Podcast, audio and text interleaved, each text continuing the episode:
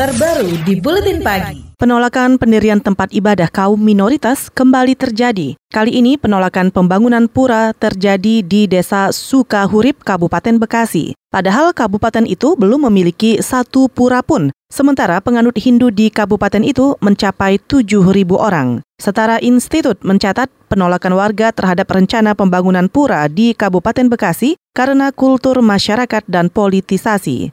Menurut peneliti Setara Institut Halili, Secara kultural, masyarakat harus melakukan tindakan proaktif dan progresif untuk memperluas penerimaan terhadap perbedaan. Sedangkan masalah politik adanya mobilisasi dari warga yang bukan tinggal di sekitar lokasi pembangunan ketika terjadi mobilisasi penolakan, ketika terjadi resistensi atas rencana pendirian tempat ibadah oleh satu kelompok keagamaan, ada mobilisasi warga, ada mobilisasi masa intoleran untuk e, menolak pendirian tempat ibadah itu. Saya kira begitu. Peneliti Setara Institut Halili menambahkan, jika penolakan terhadap perbedaan terus terjadi, secara kultural, masyarakat akan mengalami kemiskinan peradaban.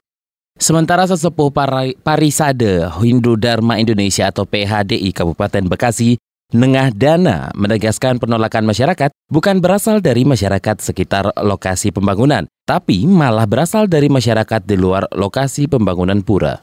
Yang tidak mendukung itu kan orang luar itu yang menggerakkan. Masyarakat sana kan sudah ada surat dukungannya malah. Karena dia sebenarnya sudah memenuhi peraturan bersama menteri itu. Kabupaten Bekasi belum ada satu pun belum ada pura padahal umatnya kan ribuan. Kalau kalau di tempat itu ditolak oleh masyarakat desa sekitarnya, maka pemerintah wajib memfasilitasi mencarikan tempat. Sesepuh para sade, parisade Hindu Dharma Indonesia Bekasi Nengah Dana menduga ada unsur politik di balik penolakan tersebut yang menghendaki adanya kerusuhan karena yang menggerakkan penolakan itu adalah warga dari kota Bekasi, bukan dari Kabupaten Bekasi. Salah seorang penolak, Akbar Kamal, beralasan rencana pembangunan itu tidak transparan, mencurangi warga, dan tidak didahului dialog dengan masyarakat dan tokoh sekitar. Akbar mengklaim rencana pembangunan pura itu tidak mengikuti SKB tiga menteri.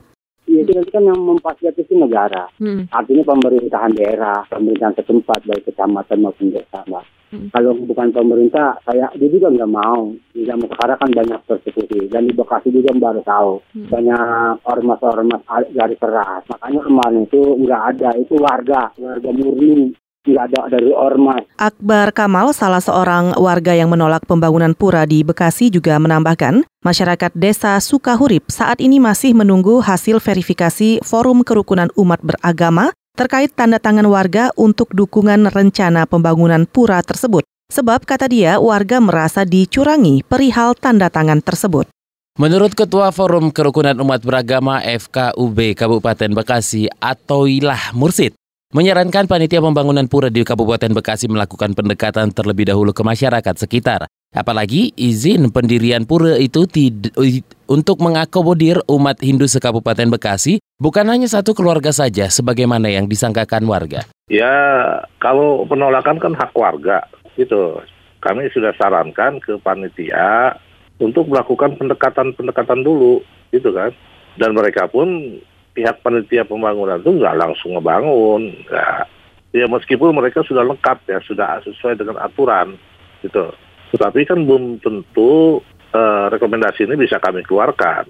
Ketua FKUB Bekasi Atoilah Mursid menambahkan FKUB Bekasi tengah menurunkan tim untuk melakukan cross-check data di masyarakat. Nantinya data tersebut akan diverifikasi kebenarannya untuk mengeluarkan rekomendasi terkait pembangunan pura tersebut. KBR juga berupaya menghubungi pemerintah Kabupaten Bekasi, namun hingga berita ini diturunkan, tidak ada jawaban dari pemerintah Kabupaten Bekasi. Sementara itu, juru bicara Amnesty Internasional Indonesia, Hairil Halim, menilai penolakan pembangunan pura di Kabupaten Bekasi menambah daftar panjang intoleransi di Indonesia. Menambah daftar panjang rangkaian intoleransi di Indonesia dengan adanya penolakan pendirian pura tersebut. Karena kalau dari informasi yang Amnesty International kumpulkan itu, pihak yang mengajukan pembangunan pura sebenarnya sudah memenuhi syarat sesuai yang ditetapkan dalam SKB 2 Menteri. Syarat 90 dan 60 itu sudah terpenuhi.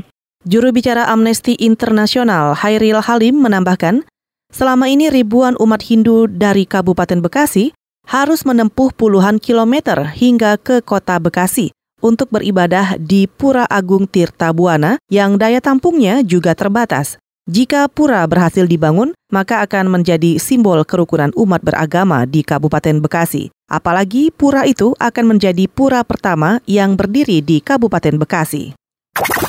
KBR, inspiratif, terpercaya.